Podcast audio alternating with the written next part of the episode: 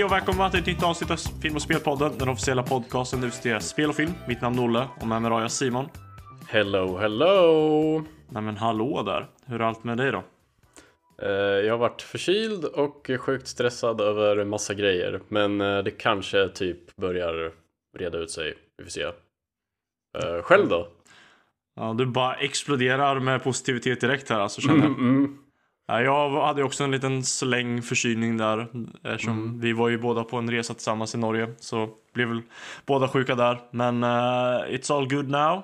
Eh, inte stressad, Nej, du är ledig? ledig, uh, spelar Mass Effect hela dagarna. Det är mitt Mm. projekt nu. Mm. Uh, apropå spela, I guess. Eh, för några veckor sedan så släppte vi ju mina topp 10 favoritfilmer från uh, föregående år, 2021. Så nu är det ju då dags för våra, vad blir det, topp 5 favoritspel.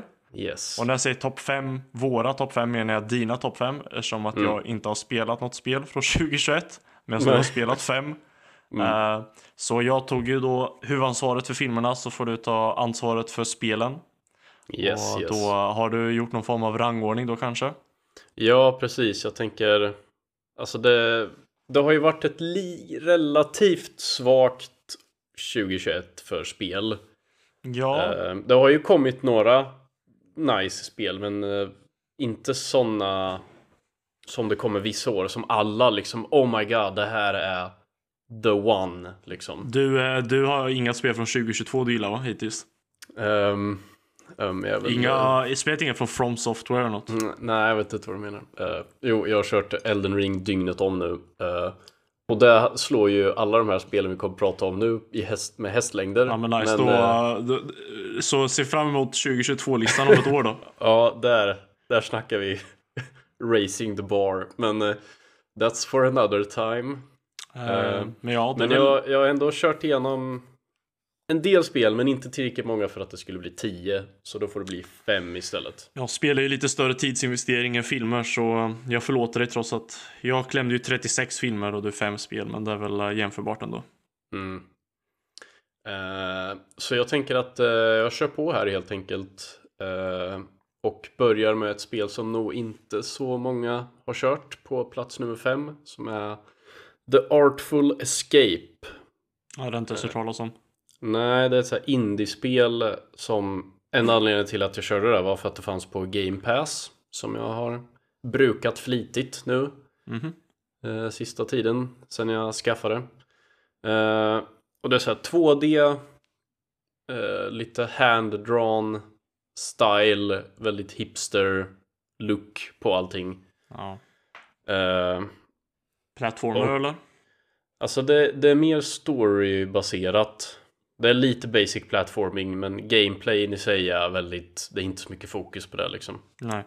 Eh, Men storyn handlar om någon snubbe som eh, håller på och övar för att han ska spela på en konsert som egentligen bara är en minneskonsert till hans jättesuccessful eh, styvbror typ.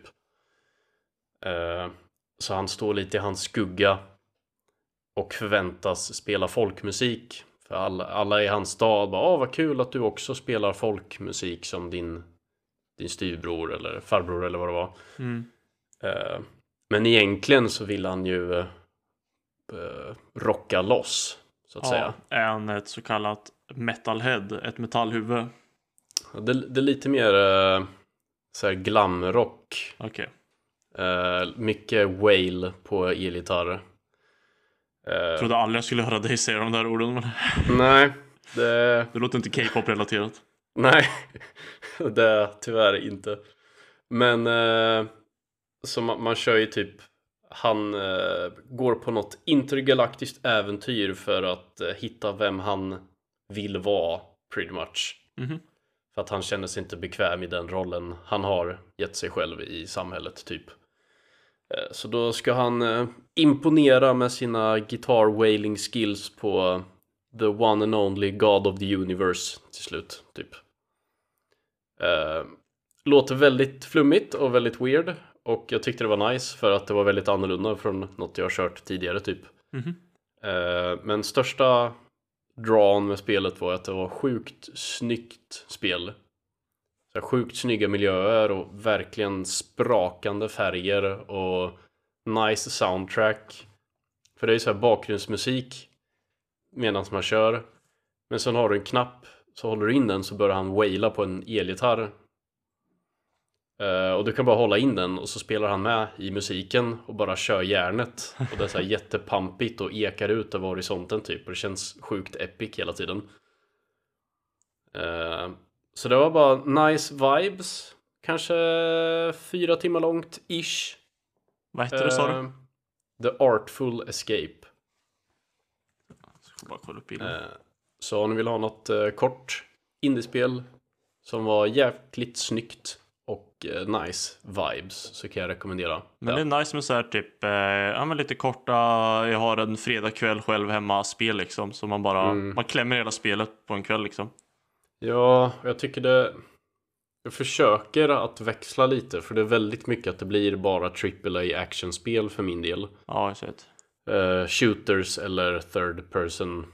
Lite exploration action shooter style. Det känns som många spelgenrer kokas ner till något sånt. Så det är kul att bryta av med något strategispel eller racingspel är väl kanske inte min grej. Men försöka branscha ut lite så. Ja. Jo, men jag kollar på bilder där nu, jag bara sökte på det och det ser ju jävligt snyggt ut. Väldigt Mm. mycket typ neonfärgat vad man säger. Ja, så det, ja, det är verkligen bara explodera ut ur skärmen i hur mycket bara art det var. Mhm. Så cred till art-designen. Good job. Eh, moving on. Plats nummer fyra. Går vi ju tillbaks till AAA actionspel då som är Halo Infinite. Ja, där har vi spel jag hört talas om. Men inte kört. Mm, som eh, säkert för många skulle säga var bästa spelet förra året eller så. Eh, och jag har ju haft lite lite komplicerad relation till Halo-spelen genom åren typ. Eh, för jag kommer ihåg, jag, kör, jag körde Halo 3 med en kompis eller med flera kompisar vid olika tillfällen och liksom co-op split screen campaign på. Halo är ju guld. Ja, ju hur så nice. Halo 3-kampanjen, ja, precis som du bara kört alltså hur många gånger som helst med massa olika kompisar och det är alltid kul liksom. Man, jag menar, man har kört de uppdragen flera gånger men de är alltid roliga. När man är två Mm. i alla fall. Ja, jag tyckte faktiskt fyran var nice också när vi körde co-op. Alltså, Ja, vi var ju tre som körde igenom det för inte allt för länge sedan och då är det kul. Jag tyckte inte storyn var så jättebra men det nästan allt är kul när man är fler som spelar. ja, alltså det enda som krävs är solid gameplay och lite nice variation på banorna typ. Eh, och sen slänger man in en kompis och man bara blastar igenom det en Ja. kväll eller två. Det är ju mm, bra, bra sätt att spendera sin tid, tycker jag. Men Men sen körde jag ju Halo 1 själv en gång i tiden. ja, Och det var ju plågsamt dåligt. jag tror aldrig jag har Eh. kört trean själv faktiskt nu när du säger det. Eh, och det, äv- även Halo 1 är ju känt som groundbreaking, 10 av 10, masterpiece, måste spela, alla älskar det liksom. Mm. Men ja, första halvan är ju rätt bra, ganska kul. Och andra halvan är bara som att de har glömt hur man designar en bana.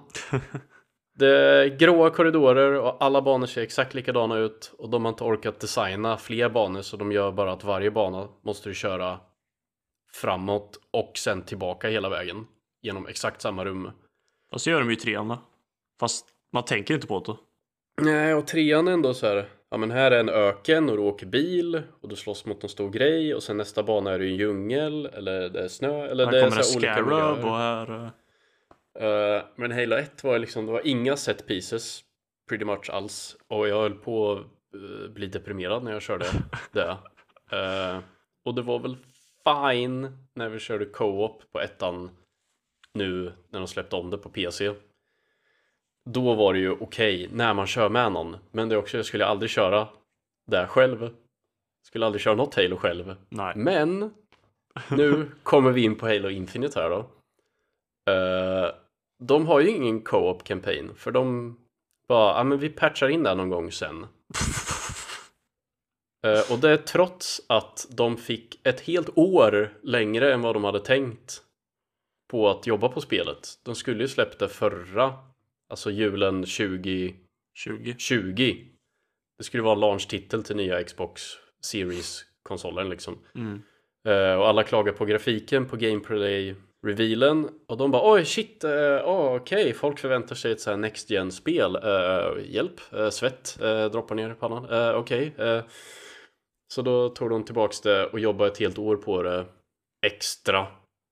Och har ändå ingen Forge eller Co-op eller multiplayer campaign överhuvudtaget. vilket suger. Och nu har jag bara rantat på massa. Så varför hamnar det ändå på plats fyra? Eh, och det är för att det är nog bästa gameplayen i något Halo. Ja. För att bara asbra känsla med kontrollerna. Bra tryck i alla vapen och de har slängt in en liten grappling hook. Ja jävlar, det låter nytt. Eller som det... är bara helt perfekt integrerat och du bara spammar den och sippar runt och allt går mycket snabbare och känns mycket mer rapid och tactile liksom. Mm -hmm.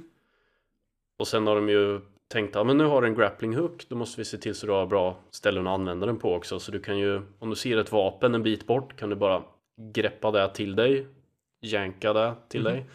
Så har de lagt massa små explosive tunnor som du också kan grapple hooka in i handen på dig och sen bara gita iväg på fienderna. Och det var ju alltid lika kul. Mm -hmm. Det mhm. blev aldrig tråkigt att göra det.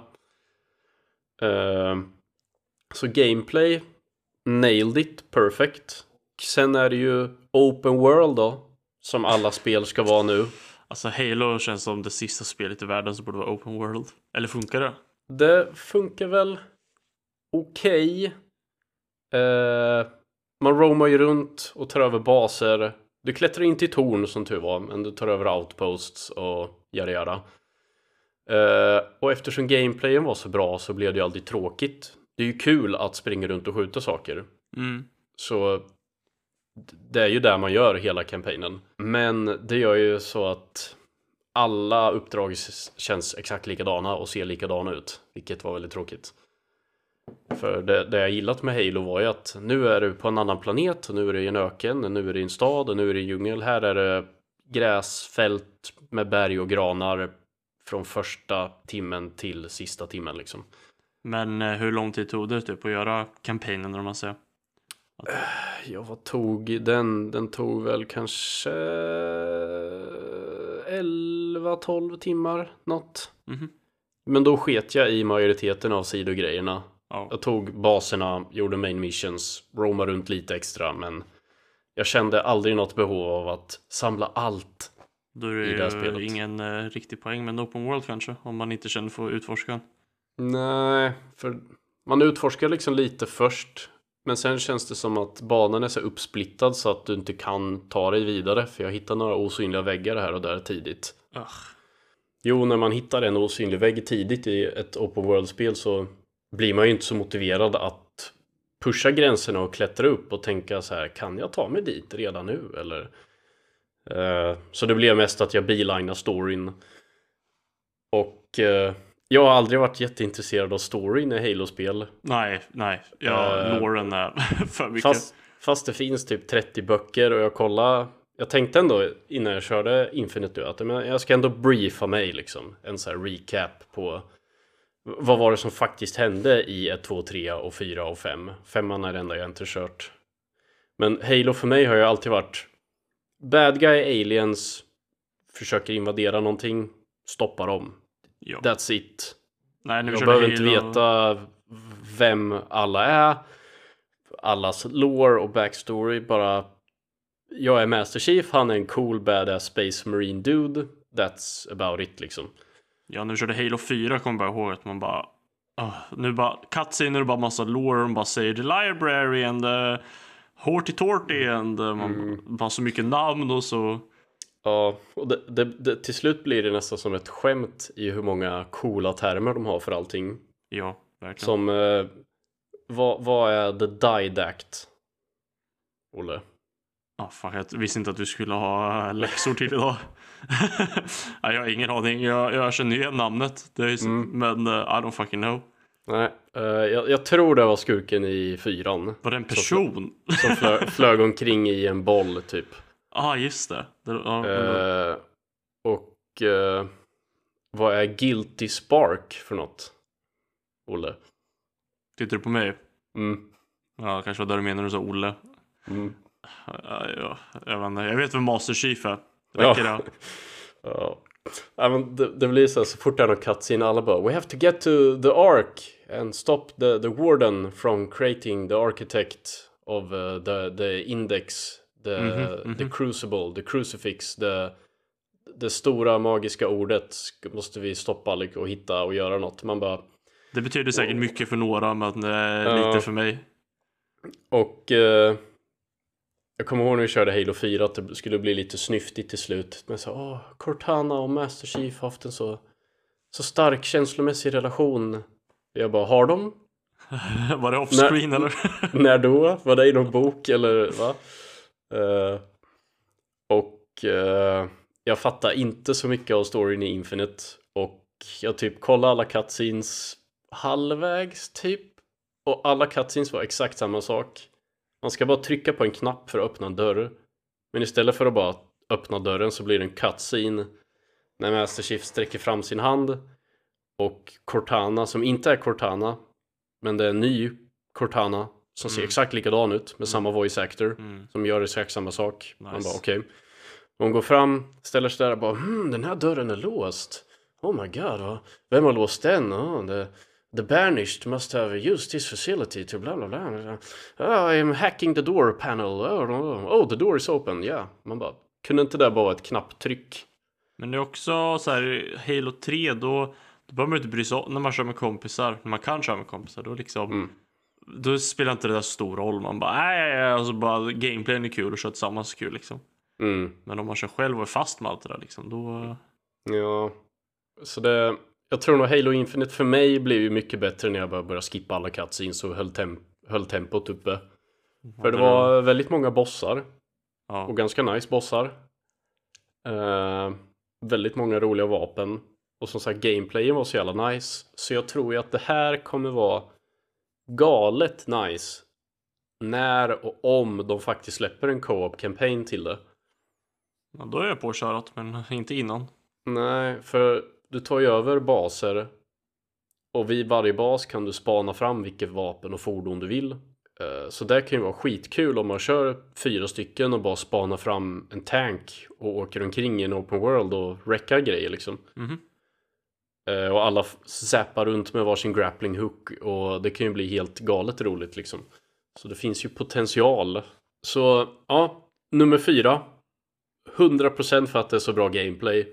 Resten, eh, jag tar gärna inte open world och går gärna tillbaks till vanliga normala banor som någon har designat ordentligt och Mm. jag behöver ingen logisk förklaring till varför ena banan är en djungel och andra är i snö. Eh, för förut gjorde man ju så när man designade spel, man bara vi vill ha en lavabana. Vi vill ha en sån bana och sen var det någon som skulle skriva ihop någon story som knöt ihop allt det. Gameplay gick först liksom. Ja. Eh, men nu bara, ah, open world, det blir asnice. Uh, men, ja, nummer fyra, ändå bra. Jag tyckte ändå det var kul liksom. Eh, men eh, jag har inte känt något sug att köra om det och ta alla secrets. Nej, Halo göra 3 göra. är ju endlessly replayable och även Reach typ. Ja, jag kör ju mycket hellre om något av dem. Mm. Eh, men men. Anyway. Moving on. Nummer tre. Ett eh, mycket bättre spel. eh, som jag såg fram emot väldigt länge. eh, som var en av anledningarna till att jag köpte ett Playstation 5. Och det var ju nya Ratchet Clank Rift Apart. Just det. Eh, och jag har ju varit long time fan av Ratchet Clank-spelen. Ända sedan eh, jag körde hos en kompis på Playstation 2. Uh, och sen körde alla på Playstation 3. Och sen körde jag på Playstation 4 och PSP och kört allihop. Uh, och sen nu kommer ett nytt Playstation 5 Exclusive First Party Högbudget Polished Platformer Action spel. Och jag bara mm, yes, give it to me. Uh, och det var jävligt nice. Det var sjukt snygg grafik och eh, så jävla skönt att köra något spel som är lite mer klassisk layout. Va? Var det inte open world? Nej, det Literally var... unplayable. Man åker mellan massa olika planeter. Ja. Så det är ju ändå olika banor. Sen var ju de banorna mycket större än de var tidigare. Ja, Så vissa planeter var ju lite åt open world-hållet. okej. Och jag tyckte ju verkligen att de planeterna var de sämsta. Ja, jag kan tänka mig det. För de bara, ah, vi, tar, vi tar en bra bana och sen bara stretchar vi ut den så långt vi kan. Så det blir så mycket tomma ytor och allt tar mycket längre tid men du gör samma sak. Och sen för att kompensera så får du en liten insekt som du kan rida runt på så det går lite snabbare. Men jag bara, jag behöver inte större. Jag behöver inte det, jag behöver inte det. Bara, gör det bara väl designat liksom. Ja. Designa en upplevelse åt mig. Ja, så när, när jag körde om de gamla spelen, det var så skönt att ha bara lite simpla banor. Här är starten på banan, du ska ta dig dit och sen är banan slut och sen åker du till nästa planet och gör något annat liksom. Mm. Eh, jag tycker ändå de hittar bra mix. Att det hade ändå många banor som var, hade behöll känslan lite från de gamla spelen. Med Ja. att det är lite, lite platforming, lite fiender, väldigt wacky vapen som ja, deras trademark. Och det är alltid tillfredsställande att ju mer du använder ett vapen desto högre level får den.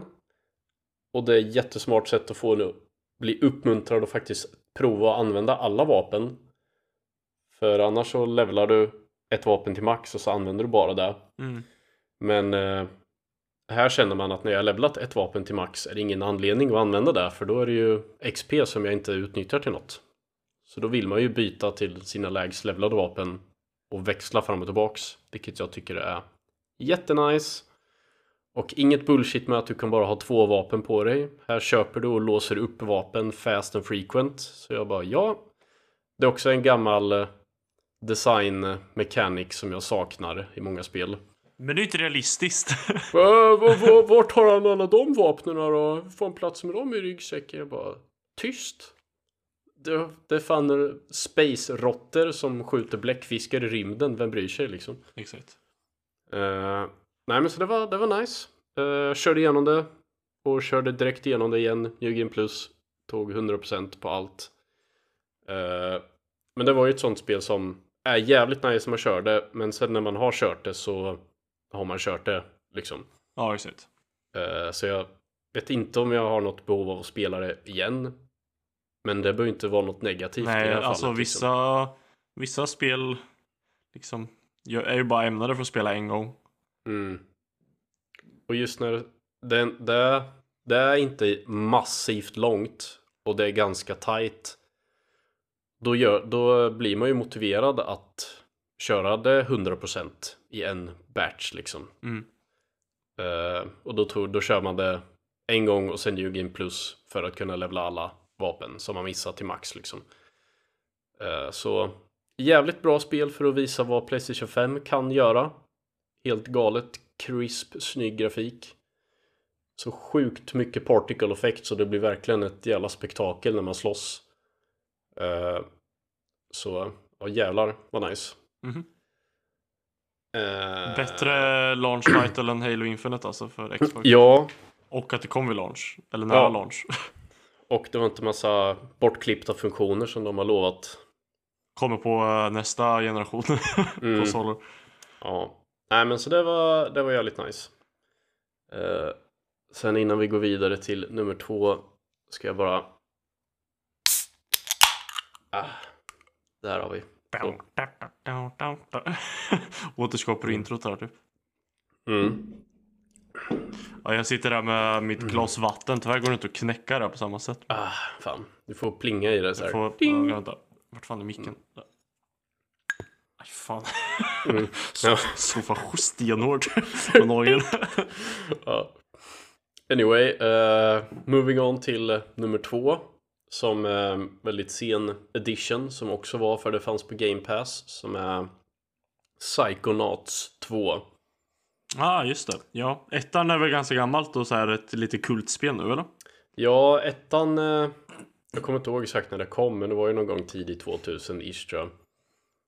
Eh, det är väl eh, ganska liksom komiskt lagt, om man säger. Ja, det är ju väldigt wacky, väldigt cool art style. Det, det påminner lite om typ eh, animerade Tim Burton-filmerna. Typ ja. blandning av Mupparna och Nightmare before Christmas typ åt det hållet. Så allt är väldigt snett och lite distorted och väldigt så här expressionistiskt designat allting, vilket jag tycker är skitnice. För i ettan är väl att man, det utspelar sig i drömmar på något sätt, eller? ja, man kör ju som en eh, snubbe som heter Rasputin eh, som eh, typ upptäcker att han har psychic powers. Och så han eh, flyr hemifrån och drar på ett kollo, sommarkollo för psychic kids typ. Eh, och hoppas att bli en psykonaut. Mm. Som är någon organisation som eh, åker runt och hoppar in i folks hjärnor för att uträtta deras eh, eller reda ut deras mentala issues typ. Så jag, jag, körde ettan för ett tag sedan för folk bara, det blivit som en kultklassiker för det Det floppade hårt som fan när det släpptes. Ja. För att de bytte devel eller bytte publisher har jag för mig. Och sen var de lite tveksamma på hur mycket de ville marknadsföra det och så kom det bara till Xbox först. Uh, så det blev en flopp och sen köpte de som gjorde spelet tillbaks rättigheterna några år senare och släppte det på Steam. Och då blev det en liten sleeper hit. En mm. kultklassiker då typ. Uh, och jag körde ettan, tyckte det var nice. Kändes väl lite gammalt kanske. Lite janky kontroller men det var ändå nice uh, kreativ design på allting. Mm. Uh, och sen när de, de hade en Kickstarter för tvåan. Och så tog det jättelång tid innan de faktiskt släppte det. Men nu släppte de det. Och det var skitnice tyckte jag. Kul. Uh, det känns verkligen som en uh, Tim Schafer heter ju han som har skrivit och regisserat spelet. Mm. Och många spel tänker man ju inte ens på att det är en person som har gjort det. Det är bara ett team som har producerat någonting. Men det här känns verkligen som en, en person som har haft en idé mm. man vill få fram. Liksom. Och det, det är samma koncept i tvåan att man uh, man eh, kör, kör, i olika personers hjärnor typ. Så varje bana är man i en ny person. Och mm. hela banan är ju baserad på den personens mental state typ. Ja. Eh, så det var någon som var typ en, eh, en läkare med en gambling addiction. Och då var det typ som att det var ett, ett kasino och ett sjukhus ihopslaget i samma bana typ. Och så gjorde de lite lite coola idéer med det där man behövde rewira dens hjärna för att göra andra mentala kopplingar för att inte associera risk med något bra typ. Det låter ändå kul och kreativt. Ja, och så var det någon, någon bana som var hos någon galen tandläkare så var alla fiender en massa tänder och bara massa tandkött och tungor överallt. Men det är sånt där som är liksom uh, nice man kan göra med spel som inte går att göra med typ något annat medium. Du kan ju inte göra en tv-serie där karaktärerna slåss mot, eller, eller det känns som att man inte kan göra det i alla fall. Mm. På, det, på, samma sätt. Man kan vara, när spel kan ta ut svängarna lite mer typ. Mm. Men jag, jag, tycker alltid det är nice, så här, spel eller serier eller något när man liksom hoppar mellan olika världar och får se massa olika gestaltningar av grejer liksom. Ja, det. Eh, och det var ju massa roliga världar. Eh, och ett, ettan blev ju lite simpelt typ. Att eh, någon har något mentalt problem och sen hoppar man in i dens hjärna och bara fixar så att den inte har det problemet längre. Och då fick vi lite kritik för det att om någon typ har eh, borderline eller något finns det liksom inte bara en magisk knapp man kan trycka på så att den personen inte har det längre. Nej. Uh, och där tyckte jag de hade gjort lite mer nyanserat i tvåan nu. Mm. Att de, det var någon karaktär som sa det. Vi, vi, vi ska inte hoppa in och bara lösa folks problem utan vi ska dyka in och hjälpa folk att reda ut deras egna problem liksom. Ja, just det. Att hjälpa dem att konfrontera sina rädslor och mm. sina mm. ångest och tviv, inre tvivel, tvivel liksom. Men det var skitnice. Eh, och spelet är ju old school platformer. Med lite combat och lite abilities och lite power-ups. Och lite som Ratchet Clank, en riktig blast to the past. Och det känns så fräscht att bara köra något som är pure banor och bossar och collectibles och, och secrets och pussel allting som jag gillar som bara försvunnit mer och mer från spel. Ja, men och man bara liksom- kan plocka upp, spela lite, lägga ner det och så liksom. Man behöver inte, om du är borta från spelet så bara, vad fan vad är storyn nu igen och vilka 10 000 sidequests har jag och äh, vart låg jag till här och Mm. Nej, det, det var, det var en, en bana som jag tyckte var nog bästa. Det var, det var typ en, någon har tappat sin hjärna, ja, låt, som, som man gör. Eh, och så ska man hitta en annan hjärna och lägga i den personens kropp tillfälligt, typ. Eh, och då, då hittar man en hjärna i en burk. Och den hjärnan har varit liksom inaktiv så länge så den har glömt bort vem den är, typ. Mhm. Så då måste man hoppa in i den hjärnan.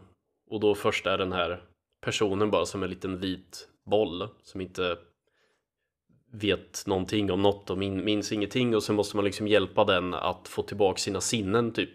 ja, Och då har de gestaltat det som ett band som ska på en turné.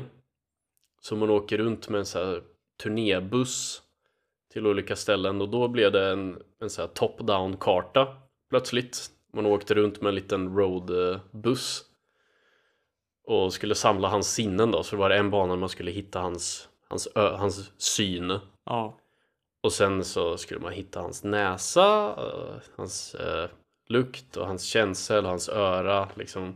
Sen till slut har man samlat alla hans sinnen och sen sk- spela dem som ett band på en scen då. Och så blev han sig själv igen typ och insåg att han Just det, jag är ju en musiker, jag älskar ju musik. Och det var ju Jack Black som gjorde rösten till honom såklart för dem. låter logiskt nu när du Ja. säger det. Eh, och hela den banan var verkligen så här eh, flower power, typ Beatles Yellow Submarine design. Ja, och fick en, lite cell-shaded look. Och himlen var bara någon så här stor konstig färgglad sol som vandrar över himlen och jätte-weird visuals. Så jag bara åh jävlar vad snyggt. Det var också så jävla färgglatt och asnice art. Och varje bana var bara åh jag längtar till att se vad de har kokat upp för den här banan liksom. Det känns som alla har fått fria tyglar att bara gå crazy med sina kreativa visioner och bara åh nice men vad säger att du hellre skulle ha det än en stor grön öppen värld, alltså likadant ut? Ehm, ja, ja, What? det är exakt det jag säger. What? Ubisoft-formulan har förstört alla spel. Ja, Så klättra upp i torn och ta över distrikt, crafting, eh, rare loot. Det finns identiska loot med bara olika färg på bakgrunden för att visa hur rare det är. ja jag tycker crafting är i många spel där med är så bara, bara överkomplicerat. Ja, det är bara något spel gjorde det och folk gillade det och sen tänkte de att ah, vi kan inte göra ett spel utan att smyga in alla de här elementen i det. Bara ta bort det. Ta bort det. Nej men det är nice med lite, ja men eh, lite mer simpelt spel helt enkelt I guess. Låter det ju som när du beskriver det och mer bra game och lite spelvariationen. Många av de där sakerna du beskriver låter ju kul men kan inte fylla ett helt spel. Mm. Men när man får en lagom dos av varje del liksom. Mm. Men du, du kör ju Mass Effect nu. Ja. Det är ju också en stor värld. Man flyger mellan planeter och gör massa saker. Men det är ju inte en, en stor Nej, Karta bara. Det, det gör stor skillnad tycker jag. Och liksom, ja man får ju så här, ja det här uppdraget ska göra på den här planeten. Och sen letar man upp den planeten i Galaxy-kartan. Och sen åker man dit och då när man kommer dit då är det ganska straightforward oftast. Mm. Jag Eh. tycker ofta det, ofta känns det som att världen är större när man gör på det sättet. Men det är Än ändå, må- då många den, spel där man börjar och så hoppar man ut på sitt startställe, sen zoomar man ut och så ser du hela spelet där på kartan. Det är Ja, det här du gör nu i 40 timmar, inget annat. Du kommer inte få något nytt area, du kommer inte låsa upp något nytt, du kommer inte se något nytt utan det, det här är spelet. Liksom. Ja men Mass Effect hittills är jävligt nice på det sättet. Och det känns som att man liksom utforskar galaxen då. På ett Mm. bra sätt. Och planeterna ser ju ganska annorlunda ut. det är ju som liksom alla sci-fi grejer att det är ju, ja det här är det här delen av jorden fast en hel planet. Det här är den här delen av jorden fast en hel planet. Mm. Eh, så som sci-fi alltid brukar göra. Typ Mos Eisley, ja den öken, punkt. Mm. Endor, eller månen på Endor, det, det är en skog. Det är en fast en hel skog. planet. Mm. Eh, och, men så är all sci-fi och Mm. ja, det, men det är ändå kul att få lite, ja nu är det snö, nu är det månen är man på, så nu är det bara grått och nu är det här och bla bla bla. Mm. Ja, eh, men eh, Psychonauts 2 i alla fall kan varmt rekommendera. Hur lång tid tog det folk- typ? Eh, tog väl eh, runt 10 timmar ish. Nej, jag tror det var lite kortare. Mellan Eh. 8 och 10 tror jag. Låter ganska lagom. Jag tror inte det var längre än det i alla fall. Nej, jag, inte, jag börjar mer och mer uppskatta liksom Ah, såklart det är nice med så här långt spel Witcher 3 typ man bara får utforska massor, det finns massor att göra Men ibland är det nice med så här kort, koncist, du kan liksom Du går inte vilse i spelet eller vad man säger utan Mm.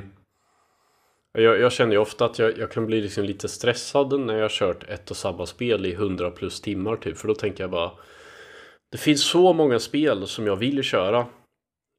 Uh, och om man kör lite kortare spel då och då, då hinner man ju köra mycket fler spel. Ja, det, Eh. det är en kvantitetsgrej där, inte kvalitet Ja, sen eh, det är ju inte så hälsosamt heller. Det blir ju lätt att man känner att man rushar igenom spel för att hinna till nästa. Vilket inte är bra heller. Eh, så det... Men om spelet är tillräckligt bra så tänker man ju inte på hur långt det är. Då är man immersed och bara njuter liksom. Så Mhm. det är spelets fel, inte mitt fel om jag känner att jag stressar igenom det. Okej, ja, men det. Eh, men trumvilver nu då till eh, nummer ett. Ja, jag gissar Ja, visa. För jag kan säga bara att det kom ut 2021, jag vet att du spelat Resident Evil. Korrekt. Resident Evil 8 eller Resident Evil Village. Det enda jag har kört i typ några minuter hos dig Ja. Mm. Ehm, ja, hur ska man börja? Uh, jag har ju kört Resident Evil 4, 5, 6, 7 och 8. Och remaken på tvåan. Men jag har inte kört originalspelen fram till fyran. Eh, eller de innan fyran har jag inte kört. Men Nej. jag har tyckt alla varit skitbra. Även sexan som alla fans hatade för att det inte var läskigt. Sexan är ju den där jag har kört. Ja. Hela. Och jag tyckte det var så jävla kul. Men om vi går tillbaka till Halo-punkten så är det för att vi två körde hela tillsammans. Ja. Och allt dumt som händer kan man skratta åt då. Mm. Så, så fort spelet är dumt och om man var själv kanske man bara öh. Men när man Mm. är två kan man skratta åt det och ha kul och liksom latcha åt det. Ja. Och jag fattar folk som körde Resident Evil 1 som var väldigt skräckinriktat. Nu har inte jag kört det, men som jag har fattat det är det mer Haunted House Horror Survival Horror style liksom. Det är inte... Jag tror du slåss mot en jätte, jättestor orm någon gång, men det blir inte så mycket mer whack än det. Eh, och tvåan är ju zombies i en stad. Och lite, lite monster, det är alltid så monster och väldigt så spektakulära fighter med stora monstrosities. Eh, så, men fyran var det första jag körde och tyckte det var skitnice. Även fast det inte var co-op. För det var så här perfekt balanserad survival horror. Och varje rum kändes precis så att man överlevde med den lilla ammon man hade. Det är bra design. Ja, de har verkligen speltestat och bara strött ut precis lagom så att det var intens hela vägen. Eh, och femman tyckte jag också var nice. Där hade de co-op campaign.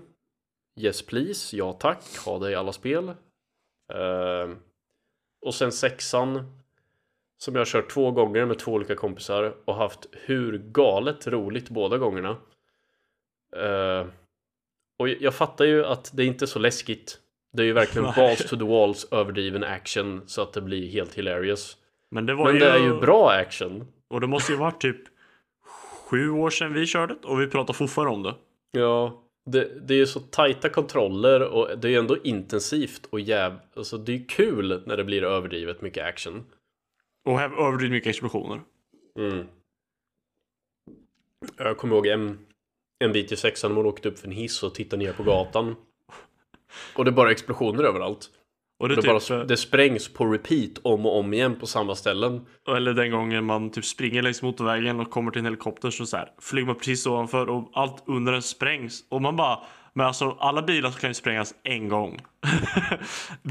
så fort jo, bränslet har exploderat så har det exploderat liksom. Men det bara boom, boom, boom, boom, boom, boom, boom, boom.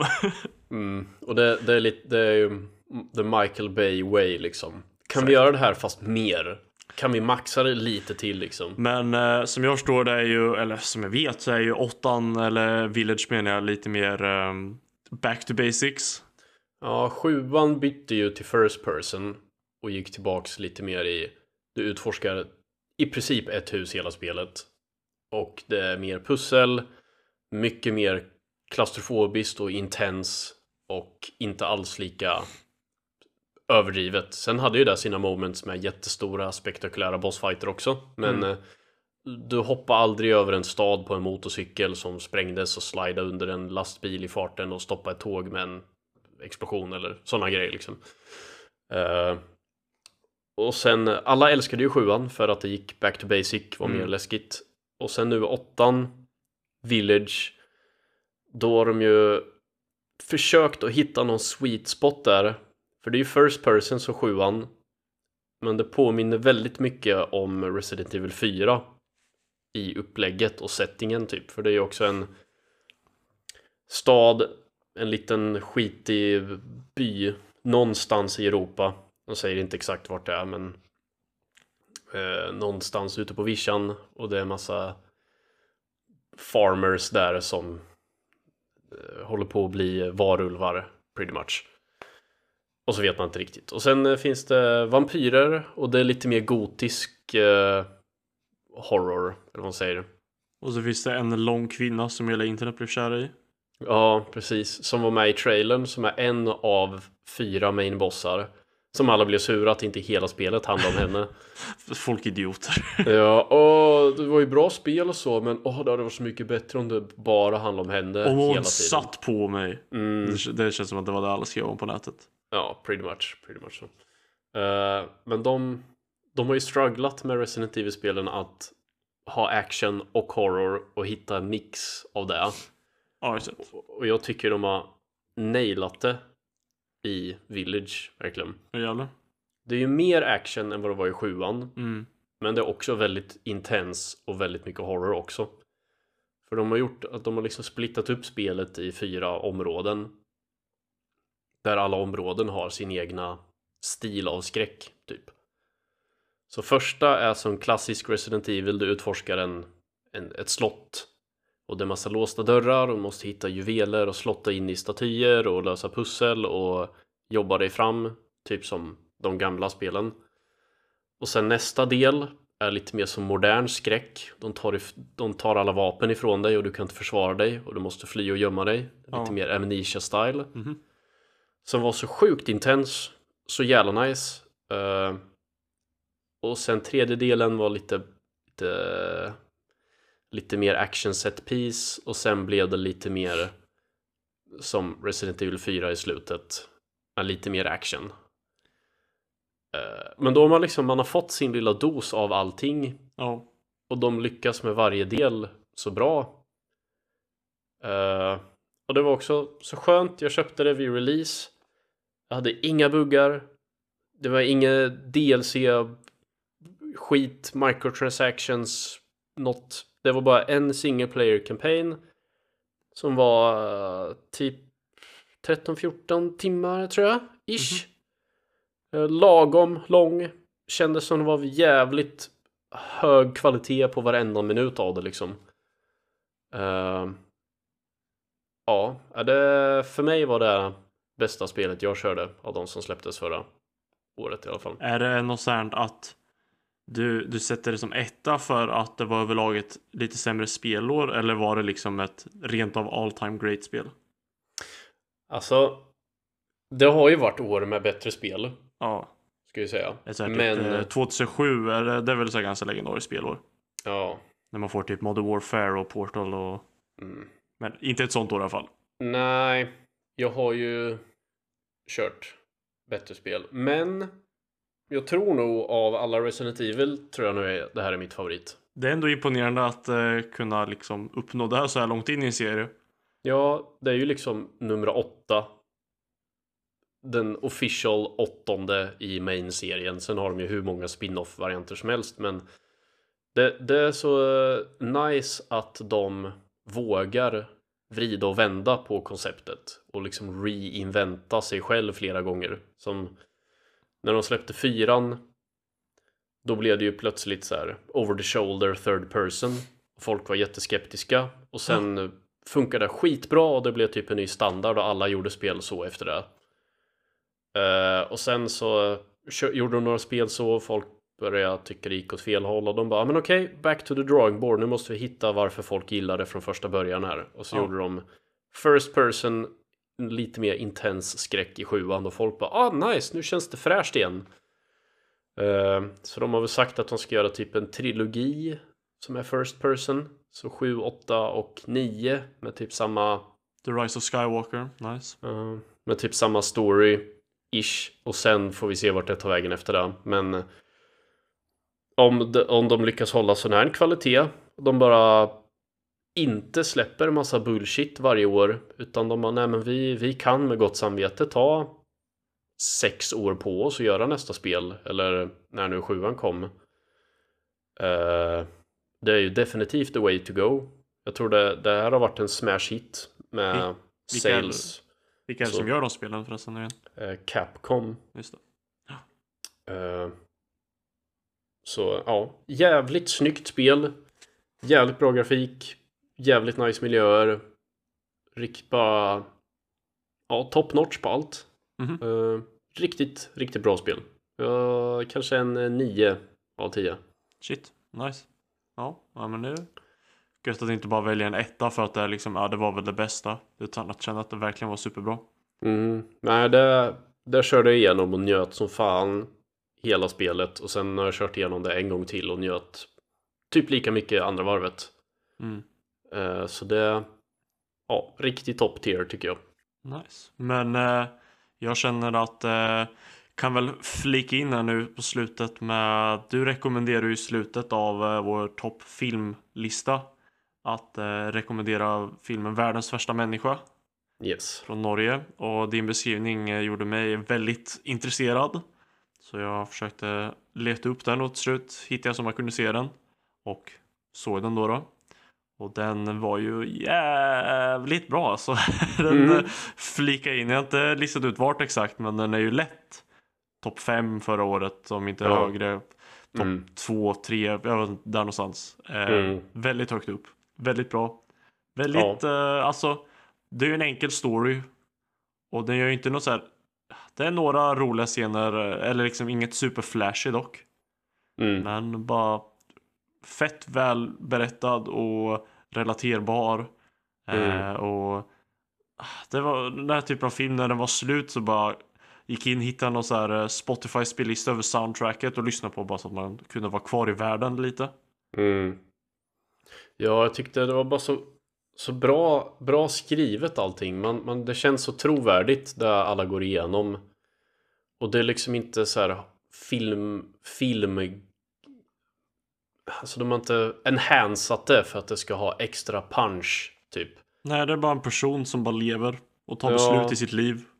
Ja, och visar att liksom i, ibland så satsar man allt på ett kort och sen inser att man gjort fel och ändrar sig och så liksom det, det, det, är svårt att leva ett liv utan att livet kommer ikapp och styr lite ibland. Exakt. Uh, och ja, många scener man bara känner igen sig, typ någon man har blivit dumpad någon gång eller liksom man, och alla spelar ju helt fantastiskt bra. Ja, så bra skådespel. Och, och just dilemmat med att liksom, jag vet att om jag gör det här då kommer jag såra den här personen otroligt mycket. Men det känns rätt för mig nu. Ja, men jag måste göra det ändå liksom. Det är ja. det bästa. Och verkligen fånga det så, så träffsäkert liksom. Med inte så många scener, inte så jättelånga dialoger, men bara rätt valda ord och moments liksom. Ja, nej, den var... Så den, eh, jag rekommenderar den också. Mm. Till alla som inte har sett den. Väldigt bra. Nu är den även Oscar-nominerad sen senast. Dubbelt uh, upp. Ja, vad är det? Bästa manus och bästa utländska film va? Yes. Ja, jag förtjänar ju mer än så, men det är Oscarsgalan liksom. Ja, men ändå bästa manus. Det är ändå Det är ovanligt av, av att, eh, alla filmer. Så Det är ändå ovanligt att en icke-engelsk språkig film får det. mm. Eh, och ja, den hade ju lätt, alltså skådespelarna, nu vet jag inte vad hon som spelar huvudpersonen heter, men hon var ju bara oj. Och Mm. eh, han som spelar eh, Axel tror jag eh, den karaktären heter, Mm. han var också verkligen bara shit. Så, Mm. Alltså det är den där man bara, det känns inte som skådisar utan bara jo men det här är ju en riktig människa typ. Ja. Och det här är liksom vad de går igenom och så. Eh, så den var väldigt bra. Och sen också lite snabbt flick in eh, ännu en 2021-film jag sett nu sen den kom ut på Disney Plus. West Side Story, som jag tror du nämnde i förbifarten. Förra Just det, som jag sa att den kommer inte på min topplista. Nej, så alltså jag menar den är ju med på listan, alltså när jag rankar alla, men inte topp 10 i alla fall. Eh, dock är jag lite mer positiv till den än vad du är. Mm. Eh, tycker ju, alltså det var inte bästa musiken, men det var bra musik. Lite så här eh, roliga scener nu, hela ja men. Lite kul dansscener och men det, det som typ tynger ner det mest tycker jag är att det är ju bara Romeo och Julia. Ja, det var lite, alltså Jag visste väl att det var baserat på det liksom. Att det är typ det. Men jag har inte sett originalet så jag vet inte exakt liksom. Jag, jag har väl fått bilden av att det är två gäng som bråkar över något liksom. Ja. Och någon romans. Eh, men jag bara kände att storyn är så... Det var lite för tunt för att jag ska bli liksom investerad i hur ska det gå? Liksom. Mm.